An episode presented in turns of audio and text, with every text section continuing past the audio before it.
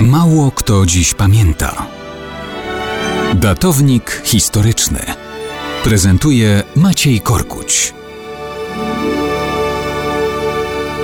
Mało kto dziś pamięta, że 24 kwietnia 1361 roku królewska korona spoczęła na głowie Inés de Castro.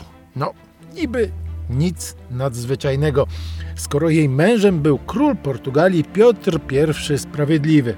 No, niby nic nadzwyczajnego, a jednak ciarki na plecach poczuć można. O co chodzi?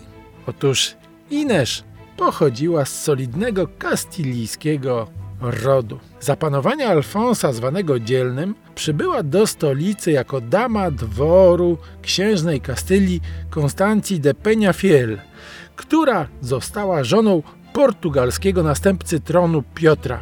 Królewicz miał z nią dzieci, owszem, ale bardziej garnął się właśnie do pięknej dworki Inesz niż do własnej żony. Inesz została jego stałą faworytą. Potajemne schadzki były tajemnicą Poliszynela. Król Alfons nie akceptował takich wybryków syna. Dlatego każe zamknąć Inesz w jednym z odległych zamków na pograniczu z Hiszpanią. Ale Piotr w tym wypadku okazał się naprawdę zakochany. Po śmierci żony potajemnie przybywa do kochanki i w mieście Braganza skrycie biorą ślub. Owocem związku jest czwórka dzieci i nowy konflikt.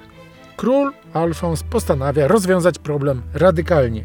W styczniu 1355 roku na jego zlecenie Inesz zostaje brutalnie zamordowana. Piotr wyje z bólu i ojcu tego nie zapomni. Mijają dwa lata, ojciec umiera i to Piotr zostaje pełnoprawnym królem Portugalii. Uważa, że królową powinna być również jego ukochana Inesz. Ponoć odnajduje wykonawców zbrodni i każe wyrwać im serca. Jednocześnie nakazuje otworzyć grób małżonki. Każe wyjąć jej zwłoki, ubrać w koronacyjne szaty i posadzić na tronie. 24 kwietnia 1361 roku w ten sposób Inesz, a raczej jej zwłoki po sześciu latach od śmierci zostają ukoronowane na królową Portugalii. Czy prawdą jest, że poddani mieli ją całować w dłoń? Nie wiem, ale ciarki na plecach i tak można poczuć.